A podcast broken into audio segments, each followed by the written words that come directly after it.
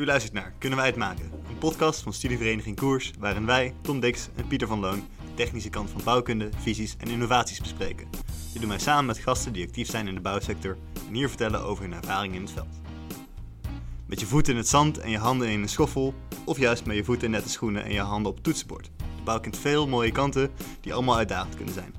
De gast van vandaag heeft het multidisciplinaire aspecten van de bouw ondervonden toen hij besloot om een onderneming te starten en zijn droom werkelijkheid te maken. Vandaag gaan we het hebben over ondernemingen, zijn product en hoe het is om direct na je afstuderen het ondernemerschap eh, in te gaan. Oftewel, vandaag gaan we het hebben over hoe kunnen wij het maken.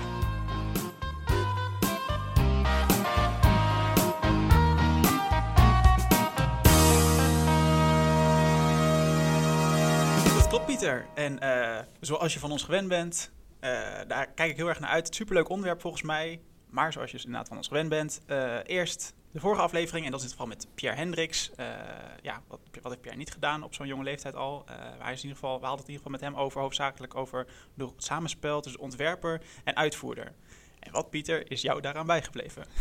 Ja, ik vind het wel, wel grappig. Het lijkt bijna alsof we soms in series werken. Want ik, ik denk, ik vermoed dat het een hele mooie vooraflevering is voor vandaag. We hebben het heel erg gehad over de theoretische kant van, van het ontwerpen en hoe dat dan zich vertaalt naar de bouwplaats en naar het daadwerkelijke ontwikkelen of het maken van, eh, van elementen. En eigenlijk gaan we dat volgens mij vandaag weer een beetje benaderen. Eh, dus wat dat betreft super tof en sowieso leuk om een beetje te horen van ja, eh, je kan wel van alles nog op berekend hebben, maar eh, de mensen in de bouw die het daadwerkelijk bouwen hebben gewoon ontzettend veel praktische ervaring en die zien in een oog, in een seconde of wat jij in papier hebt geknald wel eigenlijk een beetje te maken is of niet.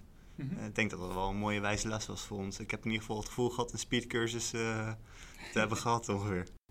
Ja, absoluut. Wat, wat, wat, wat eye-openers. Eh, gewoon wat je totaal niet mee krijgt natuurlijk in de opleiding. En wat ook goed was, hadden we benadrukt. Van, dat je ineens een, dat je gewoon een, een, een uurloon hebt. Dus tijd wordt ineens geld. En geld is liefst zo min mogelijk. Dus tijd eigenlijk ook. En dan ja, kom je toch uit op een simpele berekening. In plaats van een eh, uitgebreide berekening waar je misschien voor opgeleid bent. Eh, en dat kun je aan de ene kant dus reality check noemen. Dat is natuurlijk wel de realiteit. Aan de andere kant kun je kijken van ja, hoe kun je dan wel een, eh, ja, daar het best een, een mouw aan passen.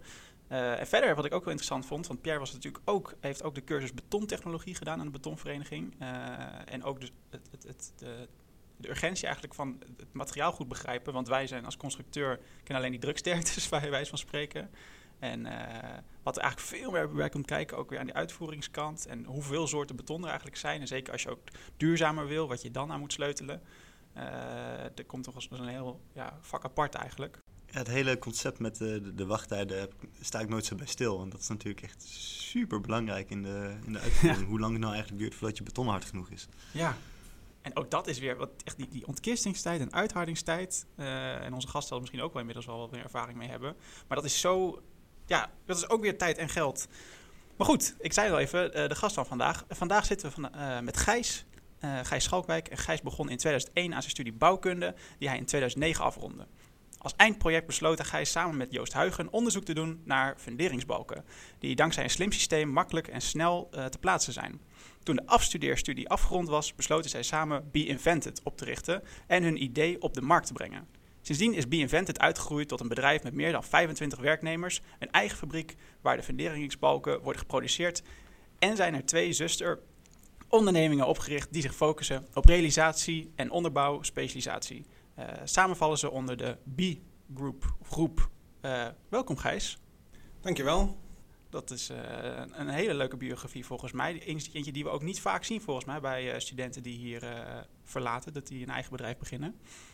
Eh, nee, klopt. We waren ook de eerste eigenlijk. Als ik het eh, goed heb eh, onthouden, waren we de eerste die vanuit eh, constructief vanaf bouwkunde het bedrijf starten. Er waren wel natuurlijk architectenbureaus en adviesbureaus, Oh ja. die zijn wel gestart. Maar echt een bedrijf zoals dat van ons, dat waren, daar waren we dan de eerste in. Ja, het lijkt me doodeng, want ik, ik, ik kan wel een beetje rekenen en ik heb volgens mij wel een idee van hoe dingen werken. Maar om dan maar meteen even verantwoordelijk te zijn voor een product wat je maakt, dat, is, eh, dat is nogal wat, of niet? Ehm, ja, maar het is ook alweer beheersbaar. Het is, het, het- zeker wat wij deden, het is een funderingsbalk. Ja. Dus ehm, je moet zorgen dat je snel eh, goed wordt in eh, funderingsbalken berekenen en zorg dat je daar alles van eh, te weten komt. Aan de andere kant is het ook een kwestie van gaan. Eh, en het, het doen. Ehm, en er zijn stiekem, voordat je die funderingsbalk mag neerleggen, zijn er heel veel mensen die heel veel vragen hebben gesteld. Dus dat helpt natuurlijk ook enorm mee. Ehm, en, maar ja, en gedurende het proces leer je gewoon veel. Ehm, maar het is wel gewoon heel gefocust op één onderwerp. En daarom is het ook wel te doen. Ja. Dus, Houdt het een beetje behapbaar op die manier. Ja, exact. exact. Oké. En eh, ja, ik, ik wil al meteen vervolgvragen stellen, maar ik bedenk dat ik kan misschien beter bewaren voor het, eh, voor het eh, hoofdonderwerp. Eh, en eh, misschien nog eerst even terugblik op, eh, eh, op die biografie. Ehm, want ja, waar ontstond eigenlijk dat idee om... Want het, het vloeide voort uit het onderzoek, uit je afstudeeronderzoek, als ik het goed begrijp. Nou, het is eigenlijk net iets eerder begonnen. Ehm, Joost en ik deden een vak, eh, of ja, eigenlijk een certificaat eh, ondernemerschap voor kleine high-tech bedrijven. Dat was hier op de universiteit. En één vak daarvoor was eh, het schrijven van een businessplan. En ehm, dat hebben we gedaan met z'n tweeën. Hadden we een product voor nodig, hadden we niet. En toen zijn we in contact gekomen met Vaas, Vaas Monen. En Vaas ehm, had eh, een promotie eh, afgerond op het werk funderingen. En hij had daarin het proces van hoe funderingen nu gemaakt worden en hoe je eigenlijk het, ide- het ideale proces van funderingen maken zou willen. Dat had hij heel mooi eh, daarin beschreven. En dat hebben we opgepakt en vanaf daar is het inderdaad gaan rollen. Hebben we dus een businessplan geschreven en vanuit daar zijn we ook wat wedstrijden gaan doen. En zijn we eh, in een proces gekomen om subsidie aan te vragen om het verder eh, uit te, te kunnen werken. En hebben we inderdaad ook onze ja, projecten daaraan gelinkt. Zodat we aan het einde van de studie ehm, een idee hadden van nou, mensen reageren er enthousiast op. Toen hadden we ook een subsidiepotje binnengehaald. En vanuit daar zijn we toen inderdaad doorgestopt. Maar je hebt je dus ook eh, je hebt meegedaan aan wedstrijden. Wat voor soort wedstrijden moet ik dan aan denken? Ehm, ja, dat is, er staat versteld, maar er zijn heel veel wedstrijden eh, voor businessplannen. Dus ehm, eh, ja, van verschillende bedrijven die het hebben, verschillende organisaties. En dat zijn dan allemaal start-ups die dan ja, komen vertellen hoe goed hun eh, businessplan is. En dan kijken dan een hele deskundige jury, die kijkt er daarnaar. En, En dat gaat echt over alles. Dat ja, dat kan van alles, dat kan van alles zijn. Ja, ja, er was, eh, we hebben één eh, wedstrijd meegedaan en daar was een dame, die spraken we later, en die had eh, figuurtjes om je schaamhaar mee in mooie vormpjes te, te knippen. Daar namen jullie tegenop. Ja, exact. Dus, maar, maar het, wat ik ook vooral zeg dat het heel breed was. Ehm, Ah, lekker gevarieerd. en, en heel gevarieerd. Maar dat eh, was ook meteen wel het, eh, het, het leuke daarvan. En daar kwamen we eigenlijk steeds goed, wel goed weg. Ook omdat de bouw natuurlijk een hele... Ja, bekend staat in ieder geval als een hele conservatieve branche. Ehm, ja, en een van de eh, dingen die we dus ook hadden is dus die, ja, die, die subsidie, dat subsidietraject. En dat subsidie, subsidietraject dat is van STW, Valorization Grant. Dat is eigenlijk voor bedoeld om een vinding, een idee dat op de universiteit of een kennisinstelling ontstaat, om dat naar de markt te brengen. En er zit gewoon een heel groot gat tussen idee en het punt dat een marktpartij erin wil stappen. Want de marktpartij wil meer zekerheid. Een idee heeft nul zekerheid. Dus je zult iets van een prototype of iets dergelijks moeten laten zien. Ehm, en daarvoor is die subsidie. En, en die, hebben we daarvoor binnengehaald. En ook wat dat betreft hadden jullie dus wel een eh, vliegende start, start, kan voorstellen. Want Vaas is ook altijd, we hadden hem laatst op de, over de vloer. Eh, hij is altijd wel in het universiteitsleven geweest, of in ieder geval de laatste paar jaren, maar altijd heel praktisch. Eh, dus hij had al het begin voor een mooi idee en jullie hebben dat toen verder praktischer doorontwikkeld. Ja, exact, dat is het eigenlijk vooral. Dus, dus het idee van, eh van was gewoon hartstikke goed, dat proces. Ehm, en we hebben eigenlijk in, in onze projecten en de doorontwikkeling hebben we eigenlijk vooral de vorm hebben we aangepast. Dus we hebben het praktischer gemaakt, waardoor er meer vertrouwen was van de markt, van dat het ook werkelijk zou kloppen. Ehm, en ook makkelijker uitvoerbaar was.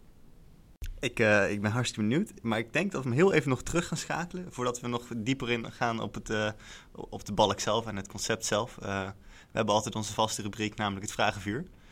Dus we, komen jou, schoten jou zo meteen even een vijftal vragen slash dilemma's voor. En dan mag je dan lekker kort en als, als je er even in hebt, lomp wil reageren. En dan achteraf is er altijd nog tijd voor nuances. Ehm, maar de eerste. Ehm, ondernemen of toch graag constructies doorrekenen? Ehm, dan zou ik zeggen ondernemen, als ik moet kiezen. Oké. Eh, constructeurs en architecten zijn eh, tegenpolen. Als je generaliseert wel. Kijk, eh, een grote opdracht binnenhalen is altijd een stukje visie toelaten. Of je houdt toch altijd vast aan je eigen visie. Eh, grote opdracht binnenhalen. Ik blijf voor de rest van mijn leven werken voor Invented. Ja, klopt. Funderingsbalken? Ik slaap met funderingsbalken. Eh, nee, dat ligt hard. Nee. Dat ligt toch iets te hard. Ja, mooi. Uh, maar je, bij, bij de allereerste was al meteen een twijfel tussen uh, het constructeurschap en het ondernemerschap? Um, ja, klopt. Um, het constructeurschap is een hartstikke mooi vak en ik vind het zelf ook heel leuk zeg maar, om ergens in te duiken en uh, uit te dokteren hoe het zit. Alleen de andere kant, um, de mogelijkheid die we nu hebben met ons bedrijf om gewoon je eigen richting te kiezen, om um, te bepalen wat jij belangrijk vindt en daarop in te zetten. Um, een organisatie neer te zetten die ja, volgens ja, ingericht is zoals jij denkt dat het zou moeten, zou moeten zijn. ja, dat biedt zoveel ja, vrijheid. En dat is ook zo leuk om te doen. Ik bedoel, er is geen enkele reden om te zeggen van ja, ik vind het stom, weet je wel. Uh, dit loopt niet zoals ik wil. Want het enige dat, en dat is natuurlijk wel zo. Er zijn heel veel dingen die stom zijn en niet lopen zoals ik wil. Alleen de enige die je aan kan kijken, dat ben je zelf. Ja. En uh, dat, dat vind ik wel heel erg leuk. En uiteindelijk, uh, als je nou, stel je voor, we gaan naar de website van je bedrijf of we vragen een offerte aan of zo. Sta jij dan ook nog als, als lead ingenieur ingeschreven of zijn dat niet meer de werkzaamheden die je doet? Ja, nee, ik, ik, ik bemoei me die zeker nog wel met inhoudelijk ermee. en inderdaad, ik, ehm, ik, ik, werk ook nog wel mee met, met projecten. Alleen om, omdat er stiekem ook nog wel heel wat andere taken bij zijn, zijn gekomen, is dat gewoon een deel van mijn werkzaamheden. Ja. Ik wil het ook wel blijven doen, omdat je dan ja, ook inhoudelijk goed kan bij, voorbij sturen. En ook, ja, ik merk dat de goede ideeën van hey, dit kunnen we op een andere manier doen, um, komen bij mij wel als ik ook inhoudelijk ermee bezig ben. Ja. Dan zie ik gewoon, oh weet je, dit kan anders en op die en die manier. En dan kan ik daar ook induiken om dat uh, uit te zoeken. Dus gelukkig hoef je voorlopig nog niet te kiezen. Nee, exact, dat hoeft niet. ja, heerlijk. Je, bij, uh, Pieter vroeg bij uh, de derde vraag van een, een, grote opdracht binnenhalen en een stukje visie loslaten of uh, altijd vasthouden aan je eigen visie. Um, het is belangrijk volgens mij, en dit kleur ik dan maar even zelf in, maar het lijkt mij persoonlijk wel handig als je als goed bedrijf dat je je visie scherp hebt geformuleerd. Dat je wel weet waar je naartoe wilt. Wat, wat ja, 100 procent. Nee, dus je visie moet heel helder zijn. Alleen, ehm, je moet ook soms pragmatisch zijn. Mm -hmm. Kijk, wat is nou belangrijker? Heel hard vasthouden aan je visie en het niet voor elkaar krijgen? Of af en toe wat water bij de wijn doen, zodat je langzaam mensen meekrijgt en uiteindelijk je visie wel gerealiseerd krijgt. Of misschien maar 80% van je visie gerealiseerd krijgt. Of 60, maar in ieder geval uh, vooruitgang boeken. Maar het, het, doen is wel echt heel erg belangrijk. Ja, ja, ja. Mijn eigenlijke, uh, mijn vraag is een prachtig antwoord, maar mijn eigenlijke vraag was: wat was die visie eigenlijk oorspronkelijk? Oh, zo. Uh, ja, de, de, de visie is. Uh, moet, moet, ik even kijken hoe. Uh, even vanuit de vraagstelling hoe je hem nu bedoelt. Kijk, wat we eigenlijk als bedrijf willen. Ehm, is één, leuk werk hebben. Mm -hmm. en mooie projecten maken en vette projecten. En ook dat is weer heel breed. Maar wat daar eigenlijk centraal in staat. Is dat we eigenlijk constant. want het is eigenlijk divisie. Maar wat, wel, zeg maar, wat we hebben gemerkt dat nu zo goed werkt en wat we eigenlijk altijd willen doen, is dat we engineering, productie en uitvoering, dat we dat bij elkaar willen brengen. En dus heel dicht bij elkaar. Dat hebben we natuurlijk bij BeSmart, bij de fundering, hebben we dat allemaal in eigen hand. We hebben een eigen engineeringsafdeling, we hebben een eigen fabriek en we hebben um, eigen man op de bouw. En wat je dus merkt, ik hoorde net al tot Pierre het er ook over gehad heeft, uh, dat de input van buiten is zo ontzettend belangrijk om het uiteindelijke proces echt goed te krijgen. Zodat je uiteindelijk dus met die drie partijen één doel hebt en uh, dat het ook voelt als één team zeg maar, waaraan je werkt. Uh, dat is ja, volgens ons wel echt het ding waarmee je het onderscheid kan maken.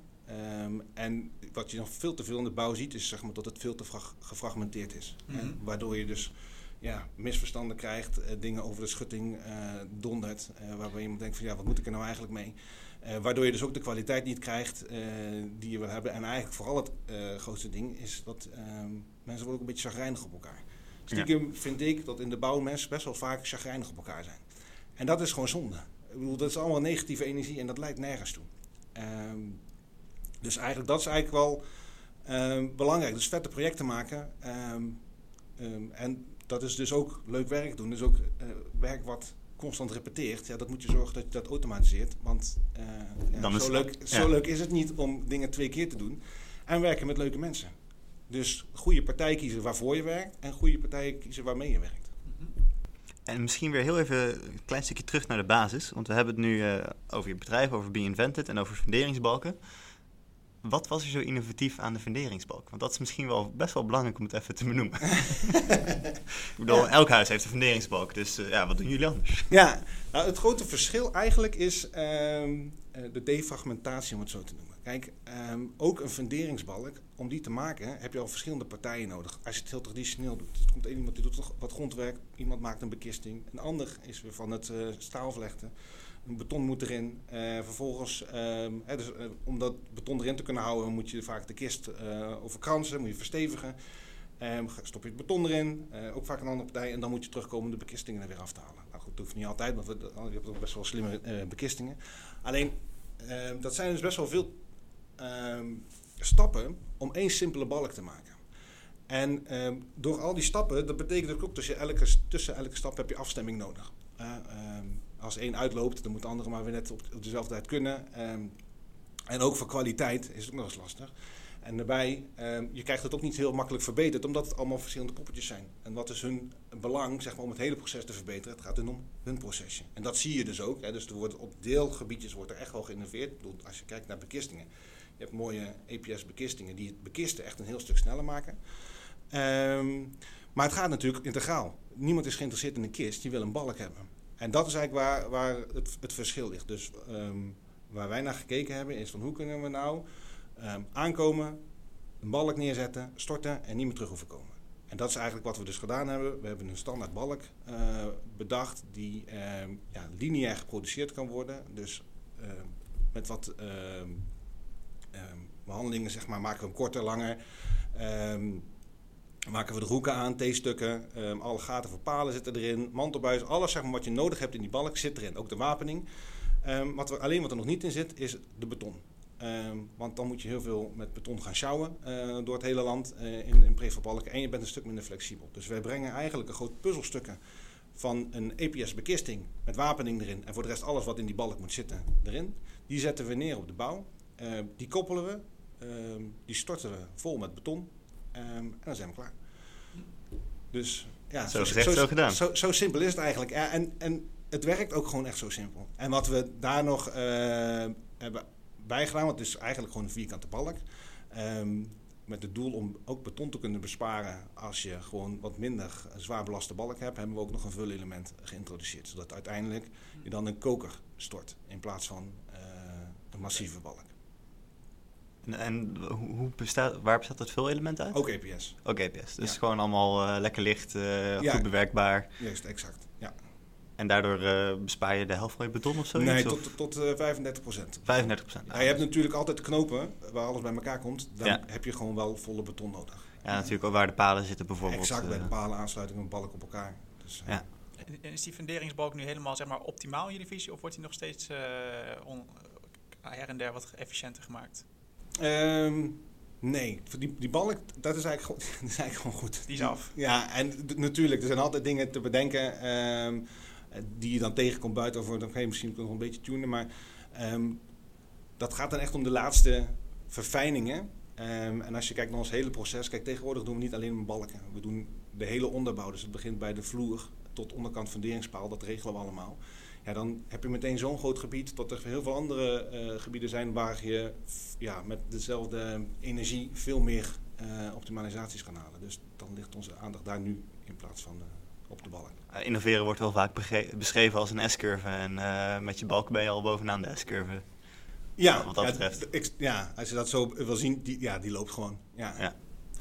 Je zei dat je heel mooi een, een mooi startbedrag kreeg om je eerste prototype te maken, zeg maar. Ehm, maar op een gegeven moment moet je gaan, moet je gaan schalen. Dan moet je echt een product eh, hebben en dan heb je dus een fabriek nodig. Klopt. En dat lijkt me, dat is voor mij nog echt één zwart gat. Hoe begin je fabriek? Je moet een plek zoeken, je moet een, een loods vinden en wat allemaal komt allemaal Nou, bekijken. daar zat een stap tussen. Oké. En die, die maakt het wat dat betreft inderdaad wel makkelijker. Ehm, onze eerste insteek was, Be Invented is een ingenieursbureau. Wij, eh, bedenken nieuwe producten, nieuwe processen en gaan dan de engineering daarvoor doen. En er zijn dan vast wel partijen die dan heel goed kunnen verkopen, die dan heel goed de uitvoering kunnen doen en heel goed de productie kunnen doen.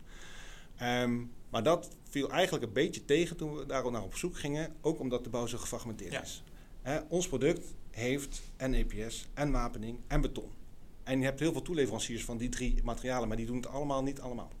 Dus eh, dan kwamen we bij eh, een betonleverancier en die zei ja, ja, een fantastisch product, ik wil graag meedoen. Maar eh, wat doet dan de EPS daar? En de wapening? Ja, dat doen we ook niet. Dus daarmee viel het product weer af. En dat ging eigenlijk, als je bij iedereen langs ging, ging dat eigenlijk zo. Uh, uiteindelijk hebben we een uh, producent gevonden die EPS deed, die dan wel zag van hey, dit is. Uh, dit is wel een idee, die zagen ze wat in. En, en, samen met hun hebben we anderhalf jaar lang samengewerkt om het product op de markt te krijgen. Dat was voor ons hartstikke goed, want het was een groot bedrijf. Dus we konden ook met hun naam, hadden we meteen vertrouwen. Het product zelf hebben we eigenlijk wel Hè, dus de productie hebben we zelf opgezet. Verkoop hebben we eigenlijk voor het grootste deel zelf gedaan. Ook ja, uitvoering hebben we ook uh, zelf gedaan. Uh, zijn, Joost en ik zijn gewoon constant ja, zelf de balken daar uh, buiten, buiten neergezet. Dus eigenlijk deden we alles zelf. Alleen we werden natuurlijk fantastisch goed gefaciliteerd omdat het een groot, groot bedrijf was. Um, en toen hebben we dus de eerste op, opdrachten kunnen verkopen, hebben we de eerste funderingen gelegd. En ehm, na anderhalf jaar samengewerkt hebben, bleek dat wat we nu eigenlijk opgezet hadden, dat dat eigenlijk niet helemaal paste binnen hun fabriek. Dit was echt een systeemproduct en dat was echt een bulkfabriek. Die deden gewoon platen. En dus dat is voor je organisatie is dat totaal iets anders. Um, um, en toen was het ook nog eens midden in de crisis. Uh, dus toen zeiden ze, ja, we zien het op zich wel, maar dan zou je een nieuw BV moeten beginnen binnen ons bedrijf. Ja, dat gaat nu, in deze tijd gaan we dat niet doen. Um, en toen ja, dachten we van, goh, en nu? Maar toen dachten we ook, ja, eigenlijk hebben we het allemaal zelf gedaan. We hebben verkoop zelf gedaan, we hebben productie zelf opgezet en we hebben ook uh, uitvoering zelf gedaan. Dus ja, waarom gaan we dan niet zelf verder? En toen hebben we een investeerder gevonden. Um, en die had een grote hal. En die maakte zelf wapeningstaal. En toen zijn we in de hoek van die hal hebben we een machine gebouwd. En zijn we begonnen. Um, ja, en soms is het gewoon een kwestie van doen. En toen had je ook al meteen je wapeningstaal. Ja, exact. Dus dat, uh, en dat is natuurlijk, uh, de investeerder zit natuurlijk ook in met een, die heeft ook belang natuurlijk. En dat was voor hem natuurlijk ook ik, even om terug te komen op iets eerder in je verhaal. Ik vind het wel grappig en bizar eigenlijk dat, dat je betonboeren hebt en dat, ja, dat het zo, zo normaal is om wel beton te hebben en geen wapening. Terwijl het een kan echt, ja, je, je, hebt helemaal niks aan wapening zonder beton of beton zonder wapening. Nee, nee maar het zijn echt twee totaal gescheiden werelden. Ja, als je naar prefab gaat, zit het vaak al wat dichter bij elkaar natuurlijk. Ja. Want die hebben gewoon een eigen product en die doen het allemaal zelf. Maar als je kijkt naar wat je in, in het werk maakt, is echt is enorm gescheiden. Je zei net dat je eh, dan een, nu een afdeling hebt. Uh, bij die staalfabriek zit je dan nog steeds? Uh, nee, we hebben nu, uh, al een tijd terug, een, een, stuk land achter die fabriek gekocht. Daar okay. staat nu onze eigen fabriek. Oké, okay. er staat mooi Be Invented boven. Ja, Be Smart. Oh, Be Smart ja. Want toen we dus zelf, gaan, zelf een fabriek hadden en zelf de uitvoering gingen doen. Toen hebben we dat losgekoppeld van uh, Be Invented. Zodat Be Invented echt een ingenieursbureau is. En Be Smart Fundering is gewoon een funderingsbedrijf. Mm -hmm. Een productiebedrijf. Ja, dat is weer een stukje organisatie. Uh, hoe, of hoe, hoe vermarkt je het, hoe breng je het, hoe, wat, hoe ja, uh, display je het naar de, de, buitenwereld en zo. Je zegt van, oké, okay, Be Invented is de paraplu. Be Smart is dus de funderingsbalk. maar jullie blijven, jullie stoppen niet. Jullie, je hebt nog twee andere takken. Nog één andere. Eén andere tak. Ja, ja, ja um, ja, er komen gewoon nieuwe gedachten op. En uh, je ziet gewoon van, hé, hey, er liggen zoveel kansen. En uh, ook heel veel... Uh, kijk, op een gegeven moment, die, die fundering hadden we gezien hoe dat, dat werkt. En dat werkte mooi. En die trein liep. Um, en het ging eigenlijk allemaal over processen optimaliseren. En zorgen dat je de fragmentatie tegengaat en met elkaar samenwerkt. Het is eigenlijk helemaal niet echt een technisch vraagstuk. Nee, totaal niet. maar het is wel iets wat je overal kan toepassen. En ehm, toen keken we naar de bouw naar boven toe. Uh, want dat is het enige grote nadeel van de fundering, is dat je het nooit meer ziet. Uh, dan uh, het gebouw naar boven doet, dan zit het probleem net zoveel, of misschien nog wel groter. en dan heb je ook het hele engineeringsproces er nog eens voor. Dus ehm, wat toch nog te vaak gebeurt, is dat een architect maakt een mooi plaatje. Ehm, een heel mooi ontwerp. Het plaatje is een beetje denigrerend, maakt een mooi ontwerp. En ehm, te laat vaak nog zegt hij van... Goh, constructeur, kijk er even naar, zorg dat het blijft staan. Installateur, kijk er even naar, zorg dat we wat frisse lucht hebben. Uh, dan zijn we klaar.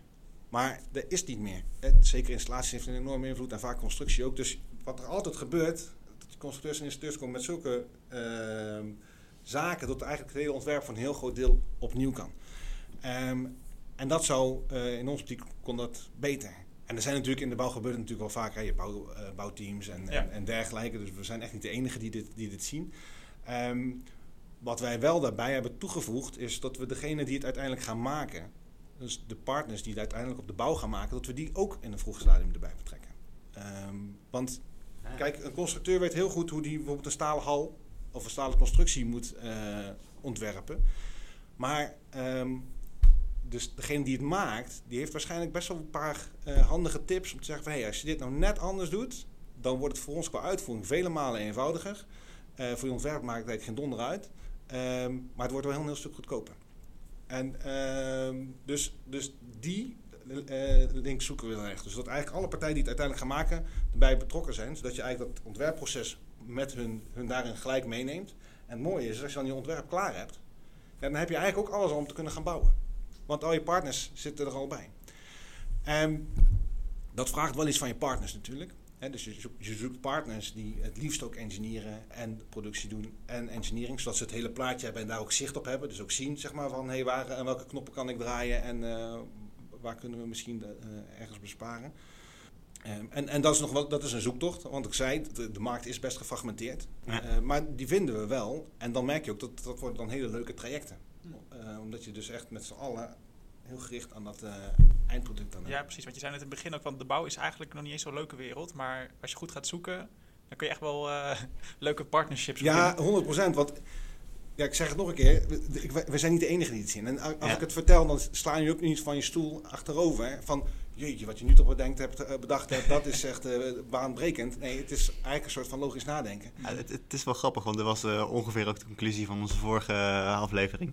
Ja. en ik, ik, vroeg, ik vroeg me vorige keer al af of we niet misschien af en toe aannemers nodig hebben die bij constructeursbureaus langs gaan om even uit te leggen wat ma makkelijk uitvoeren is. Nou, dat doen jullie dus, min of meer. Ja. Ja, nou, en dat is dus ook, zeg maar, kijk, we hebben dan, dat is dan Be Happy realisatie, waar we die, die totale gebouwen doen. En da daarvoor hebben wij dus intern ook architecten zitten, mensen die bouwkundige engineeren. We hebben uh, ja, de specialismen zoals brand en dergelijke uh, hebben we dicht in huis. Zodat we al die kennis hebben. Um, maar binnen BeInvented, wat eigenlijk het algemene ingenieursbureau is um, voor alle takken, hebben we natuurlijk ook een constructeurstak, um, wat ook gewoon hoofdconstructeur is en dergelijke. En binnen die constructeurstak, als constructeursbureau, specialiseren wij ons ook heel erg in één kosten. Van wat kost iets nou echt? En uitvoering. En um, daar zijn constructeursbureaus natuurlijk ook mee bezig. Want dat zijn natuurlijk de vragen die een klant stelt. Alleen wij zitten net wat dichter bij het vuur. Wij kopen ook werkelijk dingen in. Dus wij weten wat de prijsdrijvers zijn. Als ik wil weten wat een staalconstructie kost of wat nou ervoor zorgt dat een staalconstructie duur of goedkoper wordt, dan heb ik een partner die kan bellen. En kan vragen van, hey, kun je eens meedenken? Wat, wat denk jij? Linksom, rechtsom?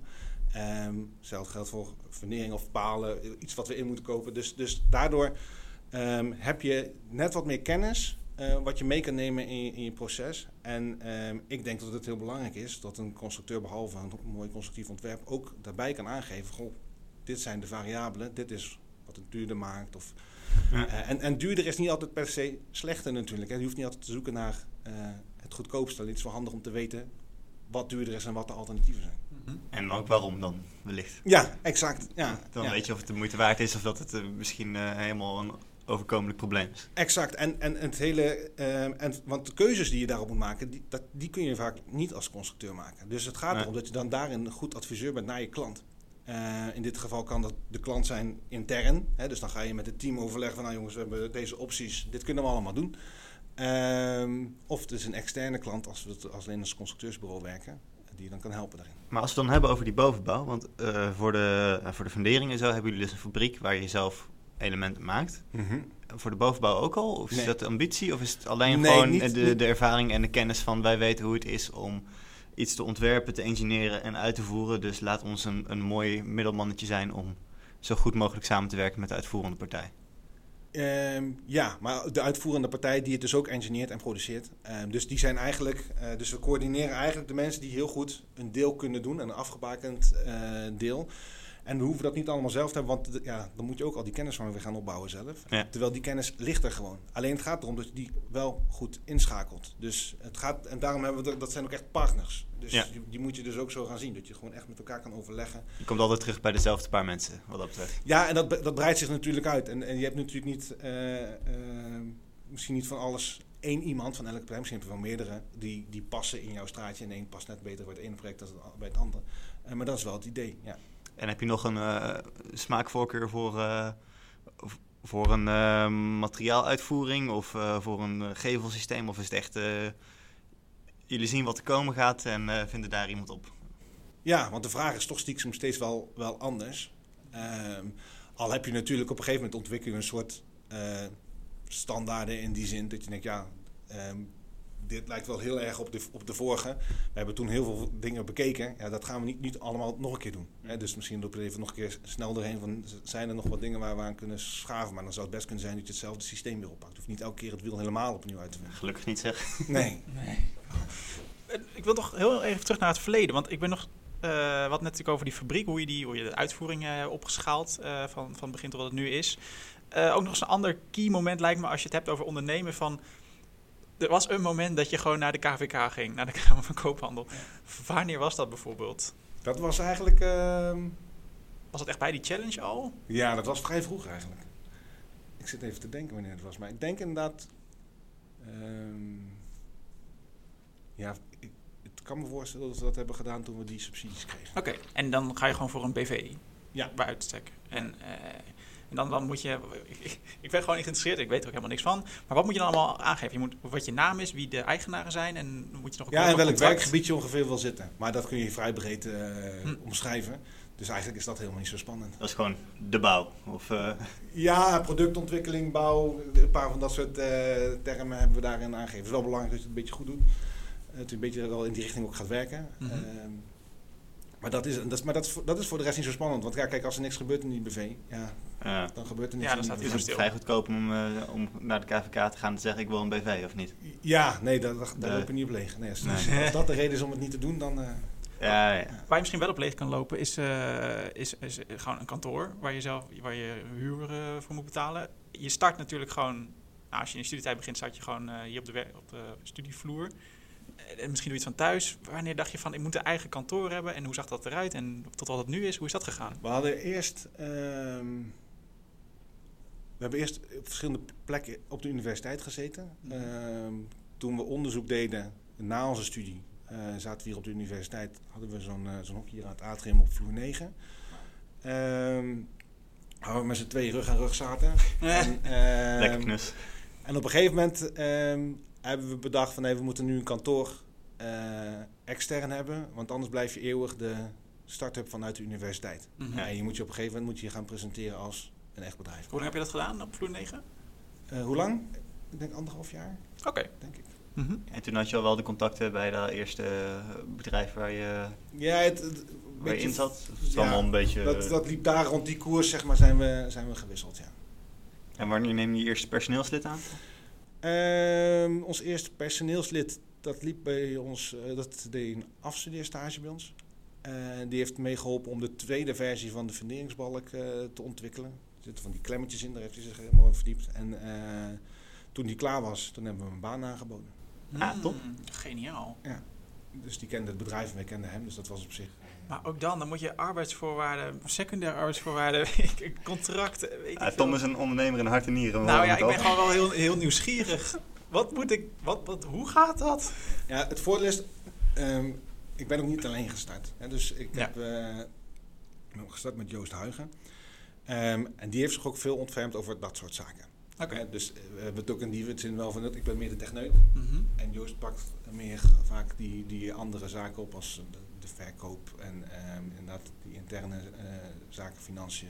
eh. Mhm. Maar je hebt ook deze opleiding gedaan. Hij is ook constructeur. Nee, hij is geen constructeur. Hij is opgeleid tot Ja, bouwtechniek heeft hij. Oh, buitentechniek, eh, ja. Net zo belangrijk. Ja. Oké. Eh, en, en dan vervolgt uh, werknemer 2 eh, en 3. En heb je op een gegeven moment vacatures uitstaan? Ja. ja, weet je, het is steeds een beetje. ehm, Je kunt er heel lang over nadenken, maar je kunt ook steeds nadenken: ja, was er ergens wat kan gebeuren? En dan valt dat eigenlijk steeds best wel mee. Mhm. En dat moeten die werknemers dan ook begrijpen? Die je dan vers aanneemt. Van we zijn nog startende, heel erg groeiende.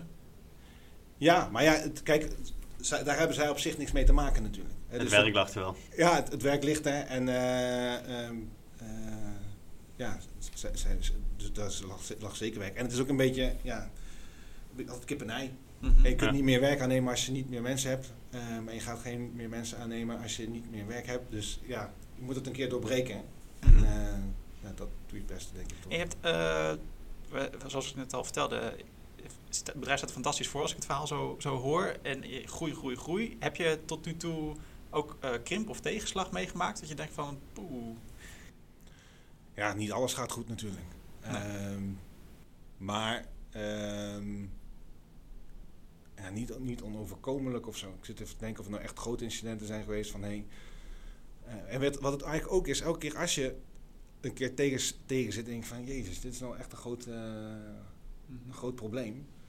Ehm, het, het dwingt je er ook toe om dingen dus op een andere manier te gaan bekijken en anders in te richten. En dan vaak denk je na een half jaar, oh, was eigenlijk helemaal zo slecht nog niet. Hè, ehm, we- we- dit, dit, dit brengt ons echt wel verder, uiteindelijk. Ja. Dus, dus omdat je, je- ja, het dwingt je gewoon om er anders weer naar te kijken, misschien nog efficiënter in te richten, eh, daar iets mee te doen. Ik ben eigenlijk nog wel nieuwsgierig als het gaat over bedrijfsvoering en, en structuur en dat soort dingen. Ehm, wat is nou het voordeel van het hebben van drie ondernemingen in plaats van één? Want in principe eh, heb jij overal een flink zegje in, geloof ik. En eh, ben je samen met je partner, zijn jullie gewoon de baas, om het zo maar te zeggen. Waarom dan toch drie BV's? Ja, dat heeft vaak met is juridisch vaak. Eh, dus dat, dat heeft met verantwoordelijkheden te maken dat een bedrijf net wat anders doet zeg maar, dan het andere. Daardoor zijn verzekeringen weer anders, eh, is het risicoprofiel anders. En ja, dus aan de hand daarvan ga je dus het, het anders inrichten. Dus Ehm, vol- volgens, volgens juridische zaken is een eh, engineeringsbureau gewoon fundamenteel anders dan een bureau dat pro- producten oplevert. En dat is weer fundamenteel anders. Wat, wat nou? Ja, dus wat een nou drie? realisatie zeg maar. Ja, dat- wat ook nog eens gebouwen maakt, zeg maar. In, Ja. eh, dus, dus, dus dat is eh, ja, zeer anders. Want kijk, je kunt je voorstellen of je nou eh, een bureau hebt eh, of een kantoor met, met allemaal mensen achter een computer. Ja. Ehm, ja, dat risicoprofiel is net wat anders. Als dat je zegt, nee, ik heb een fabriek, ik heb buiten, ik heb graafmachines, ik heb, eh, weet je dat is een totaal andere dynamiek, zo'n bedrijf. Dus daar, daar eh, hoort er gewoon een heel andere eh, ja, juridische structuur ook onder. Nou, grappig. Dat is wel... Ehm, ondernemen is volgens mij eh, vooral keuzes maken. Eh, en maak je veel keuzes op basis van gevoel? Of pak je eerst een Excel-sheetje bij en dan ga je even een business case eh, maken? En is dat nog veranderd in de tijd? Ehm, nee, wat we eigenlijk wel hebben, als we, als we zeggen, nou, we hebben een idee, daar willen we iets mee doen, dan, dan, schrijven we dat wel uit, ja. Dus, dus, en, en dan, dan hebben we het daarover en ehm, maken we inderdaad nou, een klein businessplannetje voor, voor het Mhm. idee. Veel dingen gaan natuurlijk ook, omdat je, je kunt het, maar dat, dat stopt een keer. Heel veel dingen moet je op een gegeven moment zeggen, ja, ik heb nu de, ja, wat is het? Ja, ik heb voor- en na- voor- en nadelen en dan is het toch vaak een stukje eh, gevoel. Eh, en dan doe je het dan gewoon, ja, we doen het gewoon. Of nee, dat doen we gewoon even niet. Oké, en dat doe je dan samen met Joost of eh, met Samen met, met, met, Joost, maar ehm, ja, we hebben eigenlijk een soort, ja, voor mensen een team, want zo'n suffe term, maar eh, we zijn met z'n vieren, eh waar we eens in de twee weken s s'avonds Mhm. met elkaar de zaken overleggen waar we anders niet aan toe komen. En daarin bespreken we dit soort zaken. Ja, dat is het risico van groeien. Hè? Je wordt na een tijdje word je een bedrijf met een managementteam. Ja, exact. Ja, daarom. Dus, ja, dat, dat zeg ik ook wel steeds. Kijk, echt allemaal van dat, soort, van dat soort zaken. Maar je kunt het ook gewoon niet zo noemen. Dan is het eh, Ja, dat mensen. Hey, en eh, ben je gewoon heel erg fo- gefocust op zeg maar, daar waar je nu mee bezig bent, daar, daar ga ik op verbeteren, elke keer mooier maken? Of kijk je ook elke dag nog weer om je heen, lees je de krant of de co-bouw en dan zie je weer van een crisis dit en daar ka- kans om je heen zien? Eh hoe Ehm, verhoudt dat? Daar zijn we wel mee bezig. Hè. Dus we kijken ook echt wel om ons heen. Wat, wat gebeurt er? Dat, dat heb je überhaupt nodig als bedrijf om te weten wat, gebe- wat gaat er gebeuren. Wat, wat, Mhm. wat kunnen we verwachten. En hoe kunnen we ons daar eh, ja, op instellen. Ehm, aan de andere kant is heel veel ook wel gedreven uit wat zie ik met wat we nu doen. Hm. Ehm, een voorbeeld van als je kijkt naar het constructeursbureau binnen Be Invented. Ehm, ik, ik zag dat als je niet oplet, je, je verwordt tot een soort van rekenmachine voor een eh, aannemer en een klant die jou ook zo ziet. Dus je komt dan laat in het traject, kom je, word, je, word je ingeschakeld. Ehm, je- eigenlijk is alles al bedacht, dus je moest eigenlijk, is het vooral de bedoeling dat je het recht rekent, want het is al, eh, het is al ingekocht of het is dit of dat. Dus, dus je zit vrij vast. Mhm. En dan gaan we naar richting uitvoering en dan moeten dingen goed, eh, moeten dingen gecontroleerd worden. Maar ja, dat is altijd te laat. Eh, je moet snel reageren. De constructeur moet dan de gaten dichtlopen die dan buiten opgelopen zijn. Ja. Dat, dat is geen leuke rol. Nee. En ehm, ehm, dat is eigenlijk, is, daar ga ik dan over nadenken. Van, ja, maar ik wil wel een constructeursbureau, maar dit wil ik niet. Dit, dit, dit is eh, gewoon alleen maar negatieve energie en helemaal geen leuk werk. Dus hoe ga je dus ervoor zorgen dat je jezelf onderscheidt als bureau en mooi werk voor jezelf regelt? En er is zoveel te doen en eh, ook nog zoveel te, te, te, te verbeteren. eh, Dat het dan veel leuker is om daar energie in te stoppen. En te zorgen dat je echt een goede adviseur bent. Eigenlijk wat ik al zei, hè, dat je kunt adviseren over eh, uitvoering en over de, de kosten. En dan, dat is ook natuurlijk over een goede constructie. Dat allemaal bij elkaar. Ja, dan heb je een, een, een richting waarin je eh, ja, gewoon als gewaardeerd adviseur aan tafel kan Ja. zitten. Dan kan je onderscheiden. Ja, ik denk dat dat is natuurlijk voor elk bedrijf van belang. Ik vroeg me ook nog af, je, je noemde het eh, best wel aan het begin van het gesprek even, even snel eh, tussen neus en lippen door. eh, dat jullie ook proberen zoveel mogelijk processen te automatiseren die je meer dan eh, één keer moet doen, om het zo maar even te zeggen. Ehm, wat hebben jullie al weten te automatiseren? Kan je een paar voorbeelden noemen? Nou, ehm, hetgeen waar we natuurlijk het langst mee bezig zijn is de, eh, voor de fundering. Is dat. Dus wat we daar, als je dat, als je dat proces bekijkt, ehm er komt een vraag binnen van een, eh, van een, van een, op- van een klant die wil een fundering hebben. Nou, dat werken we uit, ge- gelijk in 3D uit. En die 3D-software hebben we gekoppeld met onze calculatiesoftware. Dus die leest eigenlijk gewoon van oké, ik zie zoveel kubieke meter eh, funderingsbalk van die en die afmeting, zoveel eh, EPS, zoveel dit, zoveel dat. Ehm, die hangt daar de waardes achter qua prijs. En hebben we eigenlijk 80, 90 procent van onze eh offerte hebben we al klaar liggen. Dan gaat dat door en samen met het model, dus eigenlijk is het ook meteen duidelijk van dit is dus wat we gaan maken. Als je hebt verwacht dat we iets anders gaan maken, dit is het. Dus dat staat er meteen ook helemaal, helemaal helder vast. En als we dan de opdracht krijgen, dan gaan we ehm, daarmee verder. Wij zetten elke wapeningsstaaf, alles wat we gaan leveren, zit dadelijk in ons 3D-model. Ehm, vanuit daar ehm, worden tekeningen gegenereerd. Maar ik zit nog een stap voor, die vergeet ik even. De berekening die we doen, Mhm. daarvoor kunnen we de geometrie die we hebben gemaakt en gebruikt hebben voor de offerte, kunnen we overhalen in onze rekensoftware. Berekenen welke wapening er zit en weer terugschrijven in onze eh modelleersoftware. Dus dan hebben we eigenlijk, het grootste deel zit er eigenlijk al in direct vanuit de eh, rekensoftware, zodat je dus ook dat niet meer over hoeft te halen of over hoeft te schrijven. En dat is dan ook bijna geautomatiseerd. Je, je stopt gewoon eh, je, ehm, je geometrie in je rekensoftware en je weet wat je belastingen zijn. En dan zegt hij, ja, hier heb je deze wapenstaaf. Ja, daar zit nodig. natuurlijk nog wel wat eh, constructeurswerk in. Hè? Dus de, de goede keuzes maken. Ja. Ehm, dus, dus, dus dat zit nog wel een stuk, ja, dat is gewoon echt constructeurswerk. Maar ja, als je eenmaal hebt bedacht wat het moet worden en dan dat gaat overschrijven naar eh, een ander programma, dat, dat is een beetje nutteloos werk. Dus als we dat niet hoeven te doen, dan doen we dat, eh, doen we dat liever niet. Dan hebben we de wapening erin staan. Nou goed, op een gegeven moment zit alles dus in dat, eh, in dat model. Ehm, dan kunnen we vanuit dat model ehm, onze productie direct aansturen. Dus die ehm, elementen die worden gelijk ingeladen in de fabriek. Zodat de fabriek weet, oh die balk moet zo lang worden, die moet sparing hebben aan die en die kant. Dus dat laat eigenlijk automatisch in. Komt dan gewoon in CNC-machines of zo? Die Ja, het is, het is, het is eigenlijk een, een, eh, die bak hangt als het ware in een, ehm, die hangt in een kraan en dan zitten freesmachines rondom Ja, ja. eh, die dat erin frezen in de kist. Ehm, de wapening wordt via PXML eh, ingeladen bij de eh, wapeningsleverancier van ons, dus die hoeft dat ook niet meer over te kloppen. Ehm, nou, tekeningen worden natuurlijk automatisch gegenereerd in het programma, omdat alles associa- associatief is. Ehm, en dan hebben we de stap naar de bouw. De bouw heeft bij ons, ja, we hebben nog wel tekeningen, maar die hangen dan vaak in de keten voor een soort van overzicht. Maar voor de rest heeft iedereen een iPad. Dus Ah, ja. eh, we lopen niet meer met grote tekeningen die alleen maar nat kunnen worden. Nee, de iPad is het eh, ding waarmee we werken. En zij krijgen ook onze modellen. Dus als een knoop wat ingewikkelder is, dan kijken ze naar eh, Het het 3D model. model. En draaien ze, zeg maar, ook voor een wapeningsvlechter. Eh, omdat alle wapening erin staat, voor een ingewikkelde knoop, je kunt best wel veel details maken, maar om het echt inzichtelijk te krijgen hoe je het nou moet vlechten, eh, is het best complex. Terwijl Ja. als jij een 3D-knoop hebt met de wapening erin en elke wapeningsstaaf met een verschillende diameter heeft een kleurtje, ja, dan draai je en dan wordt het gewoon Ja. een stuk helderder. Ja, ja, ja. Ehm, dus dat is eigenlijk waar we, waar, we, waar, waar we dan mee bezig zijn. En dat is eigenlijk wat we, wat we, wat we, wat we, wat we constant doen. Mhm. En ik ben dan een beetje, een beetje gemierenleuk, maar meteen nieuwsgierig. Wat voor een eh modelleersoftware is jullie? Tekla. Tekla, oké. Ja, Tekla Structures.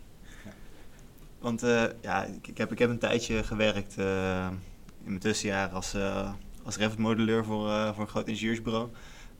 maar alle, alle wapeningstekeningen die daar werden gemaakt, werden gewoon nog lekker 2D in, in het Revit-model ingetekend. Ja. En dan is gewoon, je, je, je, schrijft een paar, je tekent een paar lijnen, doet er een paar annotaties bij van, nou, onder ligt dit wapeningsnet, boven ligt dit wapeningsnet en je hebt hier nog een paar extra staven. Maar jullie hebben dus daadwerkelijk in het in de 3D-geometrie kan je de daadwerkelijk wapeningsstaven ja. zien lopen. Ja, ik zet alles in. Ja. En, en kijk, als we nou alleen een constructiebureau waren, dan was dat waarschijnlijk te veel werk. Ja. Alleen omdat we dit nu die informatie één keer goed erin zetten, hebben we daar mhm. op alle gebieden uh, van het uh, proces hebben we daar profijt van. Uh, en daarom is het dan een goede, goede investering. Ja, juist. Fantastisch. Ik wil heel graag ook nog even over, ja, we gaan misschien hak op de tak. Ehm, excuses daarvoor. Maar wat jij net ook benadrukt, wat je heel belangrijk vond, een van jouw kernwaarden volgens mij, is dat het gewoon leuk is. Gewoon zo belangrijk. Hoe, hou je, uh, hoe, hoe, hou je je organisatie gezond en dat de, dat de werksfeer, de cultuur goed en leuk is? Um, ja, ik denk door normaal met elkaar rond te gaan. Ja, het, het, het, soms, het is wel best voor de hand liggend lijken. Um, en, maar het scheelt bij... Um, uh, het, het, gaat ook wel veel om het werk wat je hebt. En het is ook wel een beetje het kiezen van werk als het kan. Hè? Mm -hmm. Dus we, we hebben soms wel eens gewoon uh, partijen waarbij we gewoon merken dat het gewoon heel veel energie kost en heel veel negatief. Ja, als we even de mogelijkheid hebben, dan zeggen we nou, dan werken we niet met, met hun. Uh, ja. Of niet meer voor hun. Mm -hmm. Want we werken liever met leuke mensen. Het ultieme doel is niet zo snel mogelijk zoveel mogelijk opdrachten binnenslepen. Nee, nee en kijk, het is een luxe positie, hè? dus, dus we, we, kunnen kiezen en mhm. dan kiezen we. Ja. Um, maar je zou ook kunnen kiezen om meer personeel aan te nemen en wel alles te doen, zeg maar. Ja, maar meer personeel aannemen dan ben je er ook niet zomaar. Nee. Dat is stiekem nog best wel eh, ingewikkeld in die zin om goede mensen te krijgen, want eigenlijk het team is het belangrijkste. Dus je, moet, eh, je kunt niet zomaar allemaal poppetjes bijzetten, je moet mensen hebben die in het team passen. Um, um, en ook, het moeten ook leuke mensen zijn.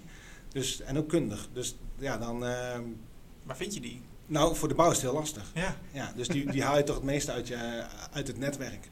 dus dus, dus, dus uh, praten met mensen, vertellen wat je doet.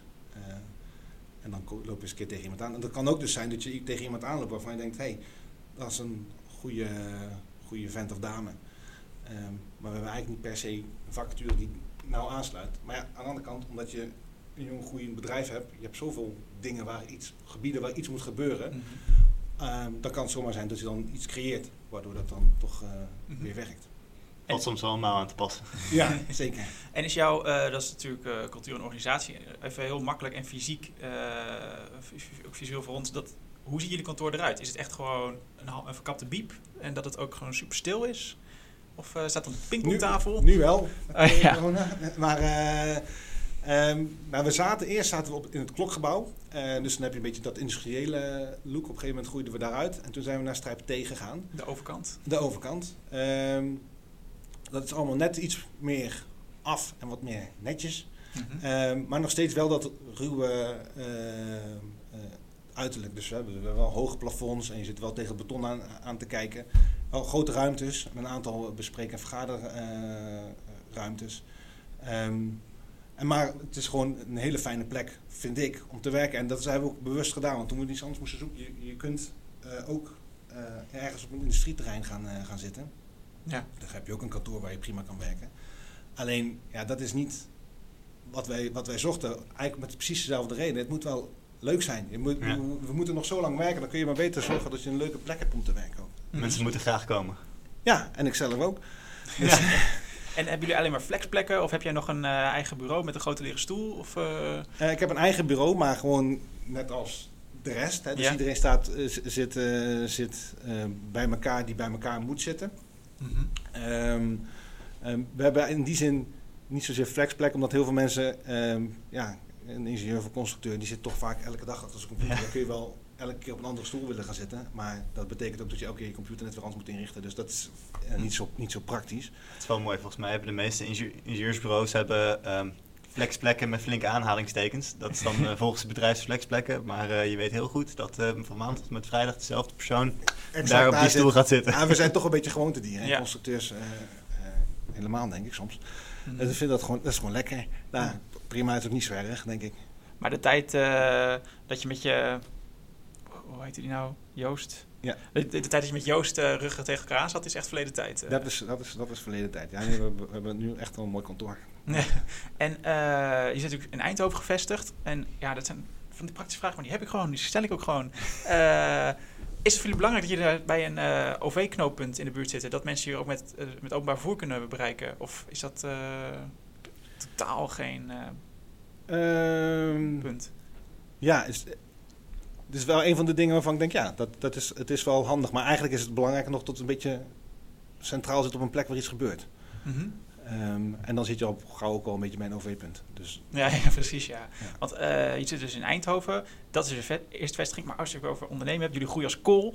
Eh, hè, als je nog weer een slag groter kijkt naar de collega's die, er wel, die echt wel ja, 500.000 eh, werknemers die hebben, die hebben meerdere vestigingen. Is dat voor jullie de volgende stap? Of denken jullie van hou het juist op één plek? nee, dat is nu niet onze ambitie. Ook niet om zo heel hard te groeien. Mhm. we, we hebben bedacht wat we willen doen. En dan kijken we van, nou, wat, hoeveel mensen hebben we daar ongeveer voor nodig. Maar als het heel groot wordt, dan heb je ook, heeft het ook invloed op je cultuur. Mhm. We moeten andere dingen weer anders gaan, gaan inregelen. Ehm, dat past ons misschien ook niet. Eh, dus we hebben liever een, een wat nou, een goede club waarmee je, waarmee je mooie projecten kan, eh, kan maken, de projecten die je wil doen. Ehm, en dat is dan prima. De, de- het is, groei is, groei is geen, eh, geen doel op zich. Het gaat toch echt om die, om die vette projecten maken eh, ja, met, met leuke mensen. Ja. Eh, nu ben ik ook wel even... We hebben het al een paar keer gehad over vette projecten. Kan je een paar voorbeelden noemen? Nou, het grappige is, vette projecten is in mijn optiek heel breed. Ja. Ehm, kijk, we hebben gewerkt ehm, als constructeur en moduleurs en tekenaars hebben we gewerkt aan de binnenwanden van de Zalmhaventoren. Dat is een vet project. Dat, is, eh, dat een van de hoogste woontorens eh, in Benelux. Of de hoogste. Maar voor mij is een vet project ook het optimaliseren van, weet ik veel, funderingspoer. Dat je zegt, ik duik daar gewoon eens helemaal in. En hoe kan ik nou zorgen dat ik de theorie helemaal ken en dat afstem met eh, eh, de praktijk? En hoe zetten wij zo'n ding zo slim mogelijk, eh, zo snel mogelijk neer? Ehm, maar, en het gaat ook van hè, vette architectonische projecten. Want ja, we hebben Ja. natuurlijk architecten die willen vette architectonische projecten. Maar het gaat ook over conce- concepten. Van hey, wat, hoe, hoe willen we nou eigenlijk uiteindelijk bouwen? We hebben nou pas een post gezet over een, eh, een, een, een woontoren, wat eigenlijk meer een, een, verticale buurt zou moeten zijn Mhm. in plaats van eh, een woontoren. Omdat je dus de kwaliteiten van grondgebonden buurten in een toren zou kunnen zetten. Ja, En dat is een concept, maar dat is wel de bedoeling om ja, daarmee het gesprek op gang te. Klinkt als een droom voor een architect, eh, wat je zo net beschrijft. Ja, ja, dus wel best wel een leuke plek voor architect. Eh, Volgens mij zijn er al eh, sinds de Corbusier eh, vele architecten mee bezig geweest. Van hoe zorg je nou dat je een wijk of een stad of een, wat dan ook in een verticaal element probeert neer te knallen. Ja, ja, maar exact. En ik bedoel, dat is natuurlijk. de, de kunst natuurlijk om het echt ge- gemaakt te krijgen. Maar Ja. goed, dat is ook wel de, de ambitie. Dus hè, van hoe krijgen we dit nou dadelijk werkelijk gebouwd? Ja, wel grappig. Ik, dit, ik weet niet, ik vind het zo'n concept wat bij mij zo ehm, geworteld is in mijn brein bij een van de architectuurcolleges die ik heb gehad de afgelopen jaren. Om dan nog te horen van, eh, van een constructeur met zijn, eh, met zijn constructeursbureau vind ik ook wel cool. Dat, dat nou ja, toch wel interdisciplinair, lekker breed. je zoekt je project dus van alle kanten op en eh, staat niet, niet, je bent niet bang om een beetje te dromen over... Nee, en kijk, dat is natuurlijk het andere voordeel. Ik hoef het ook niet allemaal zelf te doen. Nee. Dus dus dit, dit soort dingen ehm, draag je wat aan bij. Eh sommige komen uit mijn koken, maar ook heel veel van, eh, van, van mijn collega's natuurlijk. En Ja. eh, dat is eigenlijk ook dus de sfeer die, die we graag zouden hebben. Dat, ja, iedereen heeft natuurlijk goede ideeën. Dus kom maar op. En als het echt een goed idee is, dan, dan kijken we wat we daarmee kunnen doen. En sommige bedrijven die, die hebben een vast aantal uren of een vast percentage wat ze hun personeel gunnen aan, aan hobbyprojectjes, om het zo maar even te gunnen, zeggen. Ehm, hebben jullie ook vergelijkbare constructies? Of, Ehm, kwamen nou, die niet, nee, het, niet zo, maar wel dat we, we hebben eh, meer gebieden gedefinieerd van hey, hier willen we dus nu in gaan eh, verbeteren of dingen gaan onderzoeken. En daar maken, we dan, daar maken we dan tijd voor. Ja. Maar is niet dat iemand het helemaal zelf kan inrichten. Als iemand met een goed idee komt, dan zou het kunnen zijn dat dat een van de dingen is die we gaan uitzoeken. Ja. Ehm, eh, maar het hobbyen voor het hobbyen, daar geloof ik niet zo in. Ik denk dat het goed is om een richting te hebben. Zodat je ook werkelijk iets hebt uiteindelijk. Prachtig. Ehm, we naderen alweer een beetje richting het einde. En wat net ook even te binnen schoot, wat mij ook wel heel interessant lijkt om voor jullie te horen. Want we hebben het ook nog niet over gehad. Uh, en het is eigenlijk ook weer een beetje de rode draad in, uh, in elke aflevering volgens mij. Maar ook hier ben ik lijkt me heel interessant om van jullie, wat is jullie visie omtrent duurzaamheid? Zijn jullie echt, uh, etaleren dat breed als zijn de, wij zijn een heel duurzaam bedrijf? Of hoe passen jullie het in? Of denk je van, het is niet aan ons? Ja, eigenlijk anders, andersom eigenlijk bijna.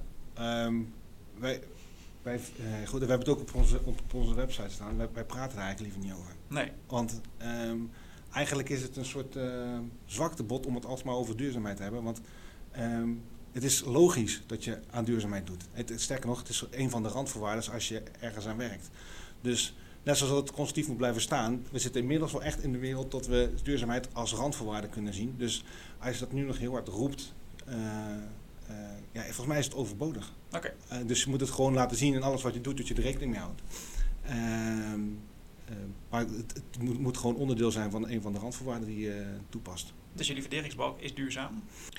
Ja, goede vraag. Want een uh, funderingsbalk is misschien, hè, er wordt veel beton en veel staal in. Dus uh, daar kun je vraagtekens bij stellen van uh, hoe duurzaam is dat nou? Um, het gaat er bij ons wel steeds om of we zo min mogelijk materiaal kunnen gebruiken. Um, als je dan bijvoorbeeld kijkt, krijg je vaak een project van een hoofdconstructeur. Wat al eerder is uitgewerkt. En dan zie je toch dat een poer best wel grof is afgewapend. Ook om, het, um, om soms de berekening maar eenvoudiger te houden. Dus we rekenen een poer één keer uit en die doen we overal. Uh, vaak blijft het als je wat meer differentieert dat je best wel wat besparingen kan... Uh, Gewoon deze is maatgevend, copy-paste. Exact.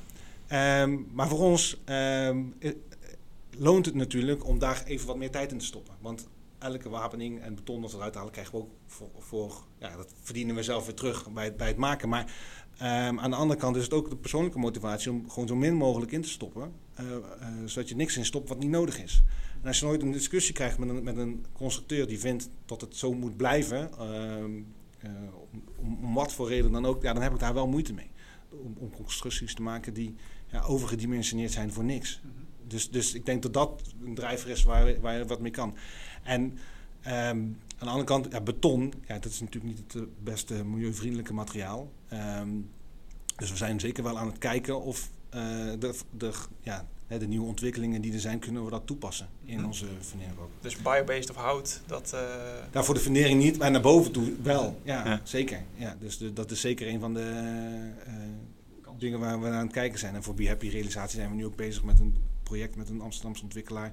Common Woods, dat, dat is gewoon houtbouw. Oké, okay, gaaf. Um, en tegelijkertijd, je zegt net, uh, wat funderingsbalk om duurzaam te maken, kunnen we dus materiaal reduceren. We hadden uh, twee afleveringen terug, hadden we Dorien Staal, voorzitter van de betonvereniging, die ook uh, voorbij Prefab, die nu samenwerkt met ABT, een twee-arm beton heeft ontwikkeld, zo'n mengsel. Dus dat is op die manier invullen.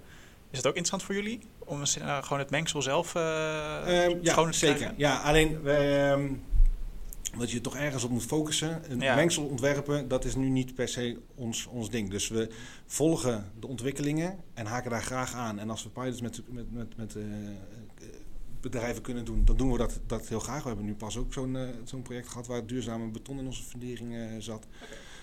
Um, dus dat volgen we graag en we willen graag zeg maar, de eerste zijn die daar iets mee doet. Want stiekem verwerken we best wel veel kubus beton op, op jaarbasis. Um, maar we gaan het niet zelf ontwikkelen. Dat, ja, dat, dat, dat is niet jullie kracht. Dat is niet onze kracht. Nee. Ja. En als, uh, nou ja, je bent nu maar gewoon uh, gedoodverfde funderingsspecialist. Uh, is er een mogelijkheid voor een ander materiaal in de fundering? Of is het eigenlijk gewoon vanwege de omstandigheden beton? En... Het, is, het is wel lastig, want we hebben natuurlijk ook over nou, circulair, belangrijk. Hè. Um, ga je dat doen met een fundering? Um, kijk, beton is best wel in die zin een fijn materiaal, want het is gewoon, ja, blijft lang, uh, ja. lang goed, heeft geen last van water en dergelijke.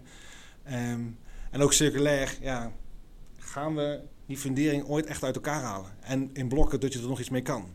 Als ik zie hoe een fundering nu eruit ziet, paal zit op een andere plek, uh, dergelijke. Um, ja, en hoe lang zit het dan in de grond? Weet je, over 60 jaar, als we dan de fundering al eruit gaan halen, zit er iemand over 60 jaar nog te wachten over, op een fundering nog een keer? Ja, want, en we hebben ook nog wapening geoptimaliseerd. Dus ja, dan kan waarschijnlijk de belasting is net anders. Dus dan voldoet, voldoet de balk weer niet. Dus ik denk zelf, eh, als iemand een beter idee heeft, dan hoor ik het heel graag. Tot de circulariteit voor een fundering nog best wel een, een, een, lastig is. Dus daar zetten wij nu niet eh, per se op in. Dan denk ik meer van, ja, zorg nou dat je het materiaal gewoon zo goed mogelijk gebruikt. Ja, gewoon materiaal efficiënt funderingsontwerp. Exact, ja. Ja. Maar ik denk ook de keuze van beton, volgens mij het liefst bouw je gewoon een huis op een rots. En eigenlijk probeer je gewoon te simuleren dat je op een rots bouwt door gewoon voor een betonnen fundering te kiezen.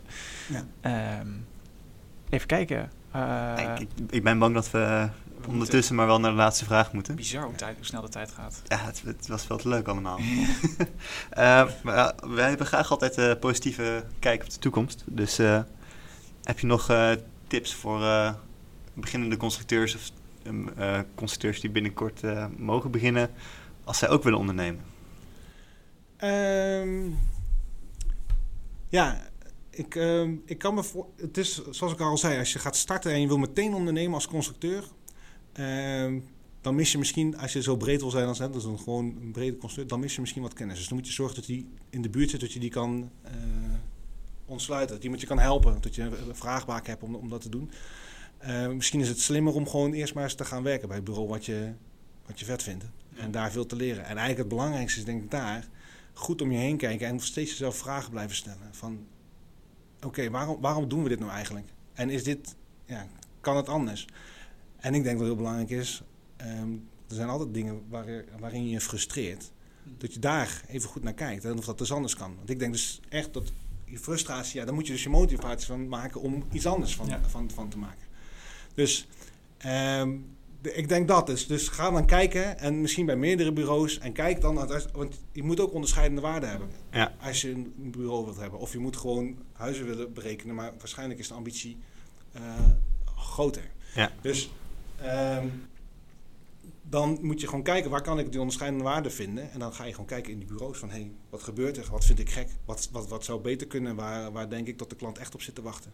En als je dat dan vormt in je hoofd, hè, dan zou je, eh, en je bent in die tijd ook nog eens een keer een goed constructeur geworden, dan eh, ligt er van alles eh, aan mogelijkheden. Ik vind het een mooie, mooie les om aan te leven. Eh, hartstikke bedankt Gijs. Het was weer eh, ja, het was een ontzettend leuk gesprek. Zoals Tom zei, de tijd is wederom gevlogen. Dus dat is altijd een goed teken.